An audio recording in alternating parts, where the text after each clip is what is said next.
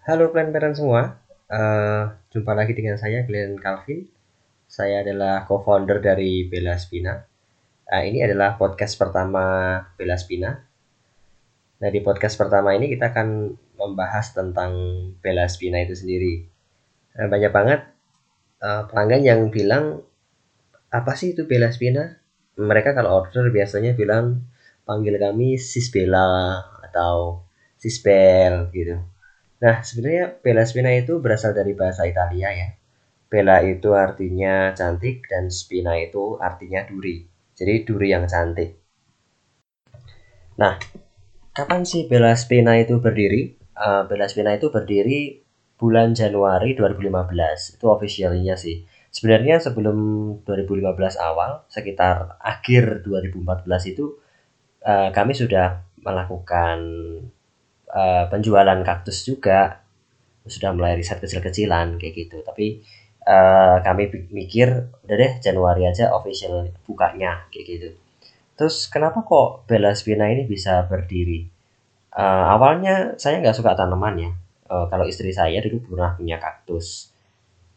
Saya itu punya toko di tempat orang tua saya ya di Wonosari.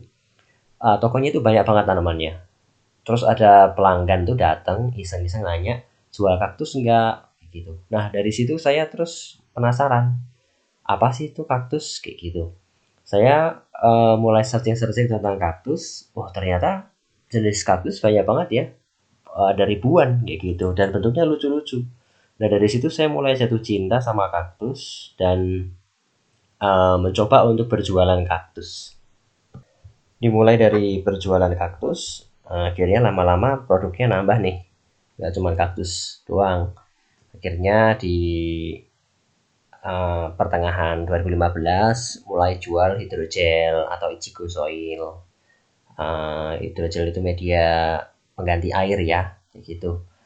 Sama pakai bambu hoki. Jadi bambu hoki ditanam di hidrogel. Lalu akhir 2015 hmm, kami mulai memproduksi pot lukis ya dari gerabah tanah liat kayak gitu. Nah itu menjadi salah satu pot lukis pertama di Indonesia yang diproduksi dan dijual online lewat Instagram. Dulu itu yang jualan kaktus tuh nggak banyak ya uh, di Instagram di saat kami memulai di Jogja sendiri nggak nyampe 5 akun dulu tahun 2015 kami termasuk ya 10 akun pertama lah yang berjualan tanaman. Terus uh, lama-lama makin banyak nih. Pernah searching terakhir tahun 2019 itu udah nggak karuan deh jumlahnya udah sampai uh, 200-an mungkin ada akun yang jualan kaktus di Jogja.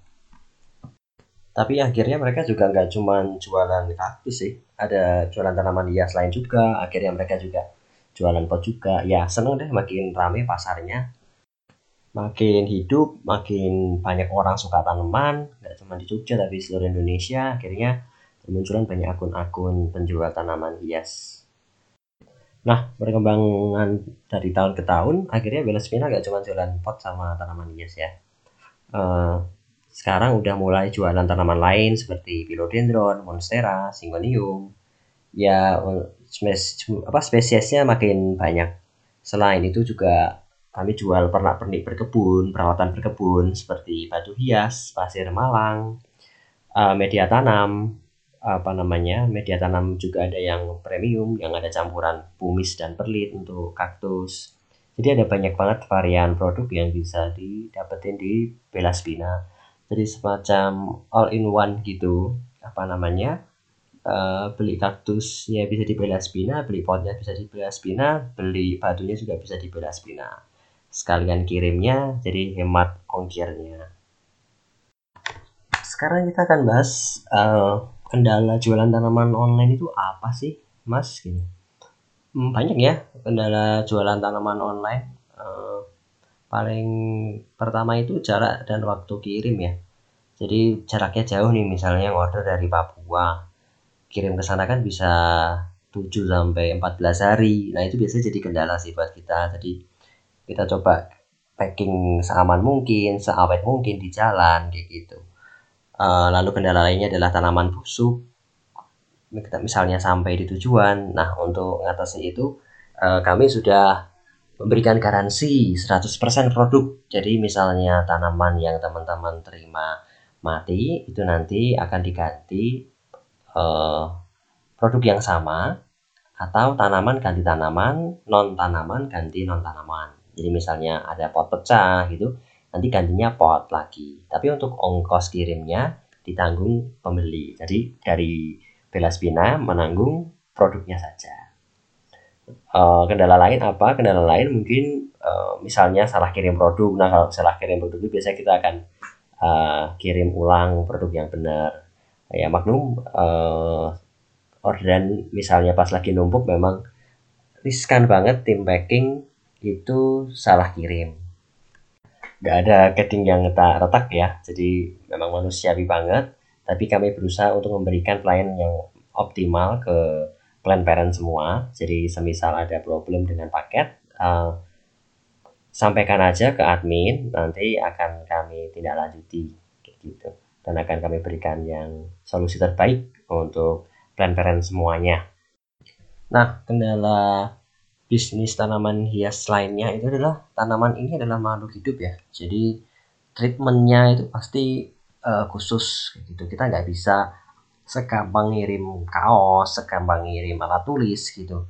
Banyak yang harus kita pertimbangkan faktornya dalam mengirim tanaman hias. Jadi ketika seorang pembeli yang mungkin belum pernah membeli tanaman sebelumnya, ya gitu mungkin akan kaget dengan paket pertamanya misalnya. Kok daunnya layu, kok warnanya kuning dan lain-lain. Nah, itu adalah resiko pengiriman tanaman yang sulit untuk dihindari sekalipun menggunakan uh, eh, JNE CNE Yes atau Post Express atau pengir paket pengiriman yang instan satu hari gitu. Uh, tapi bukan Gojek ya, maksudnya dikirim lewat ekspedisi gitu, paketnya dibungkus. Nah itu adalah kendala yang sulit sekali dihindari. Siapa pun uh, seller pasti pernah mengalami gitu, walaupun sudah dipack dengan bagus. Kadang-kadang perlakuan dari ekspedisi juga karena kan paket menumpuk di gudang, uh, kita nggak ngerti tumpang tindih di sana akhirnya uh, mungkin paketnya penyok begitu waktu diterima gitu nah ini adalah seninya sih yang malah justru saya tertantang gitu loh. Oh ini bisnis sesuatu yang hidup kayak gitu. Jadi gimana cara kita untuk bisa mendeliver ke customer dengan baik? Harapan Bella Spina apa ke depannya? Hmm, harapan Bella Spina ini podcast kami buat malah pas keadaannya lagi wabah covid nih menyerang uh, kami baru aja pindah galeri dari Jalan Joko Karyan kemarin di Mantri Jeron dekat alun-alun Kidul Jogja. Kemarin Maret kami pindah ke Jalan Wulung 10B di Pringgolayan. Itu daerah dekat Bonbin kebun binatang Jogja atau Jogja Expo Center ke selatan. Itu lokasi store galeri kami yang baru. Baru buka berapa minggu udah covid mewabah di Jogja jadi harus kami lockdown uh, store-nya kayak gitu. Harapannya sih besok kalau covid ini sudah mereda semoga cepat ya uh, store bisa buka kembali. Jadi uh, kita bisa ketemu lagi seperti itu.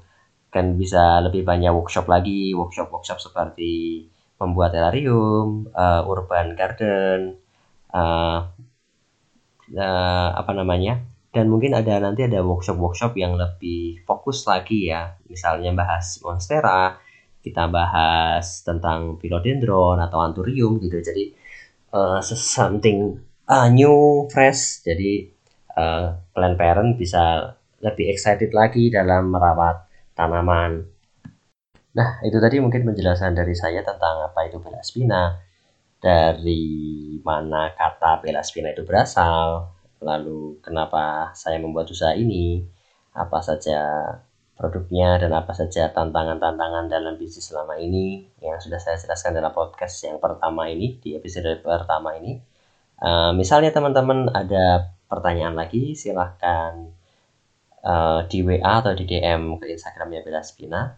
Nanti saya usahakan untuk menjawab di episode podcast berikutnya. Ya, sampai jumpa lagi plan parent.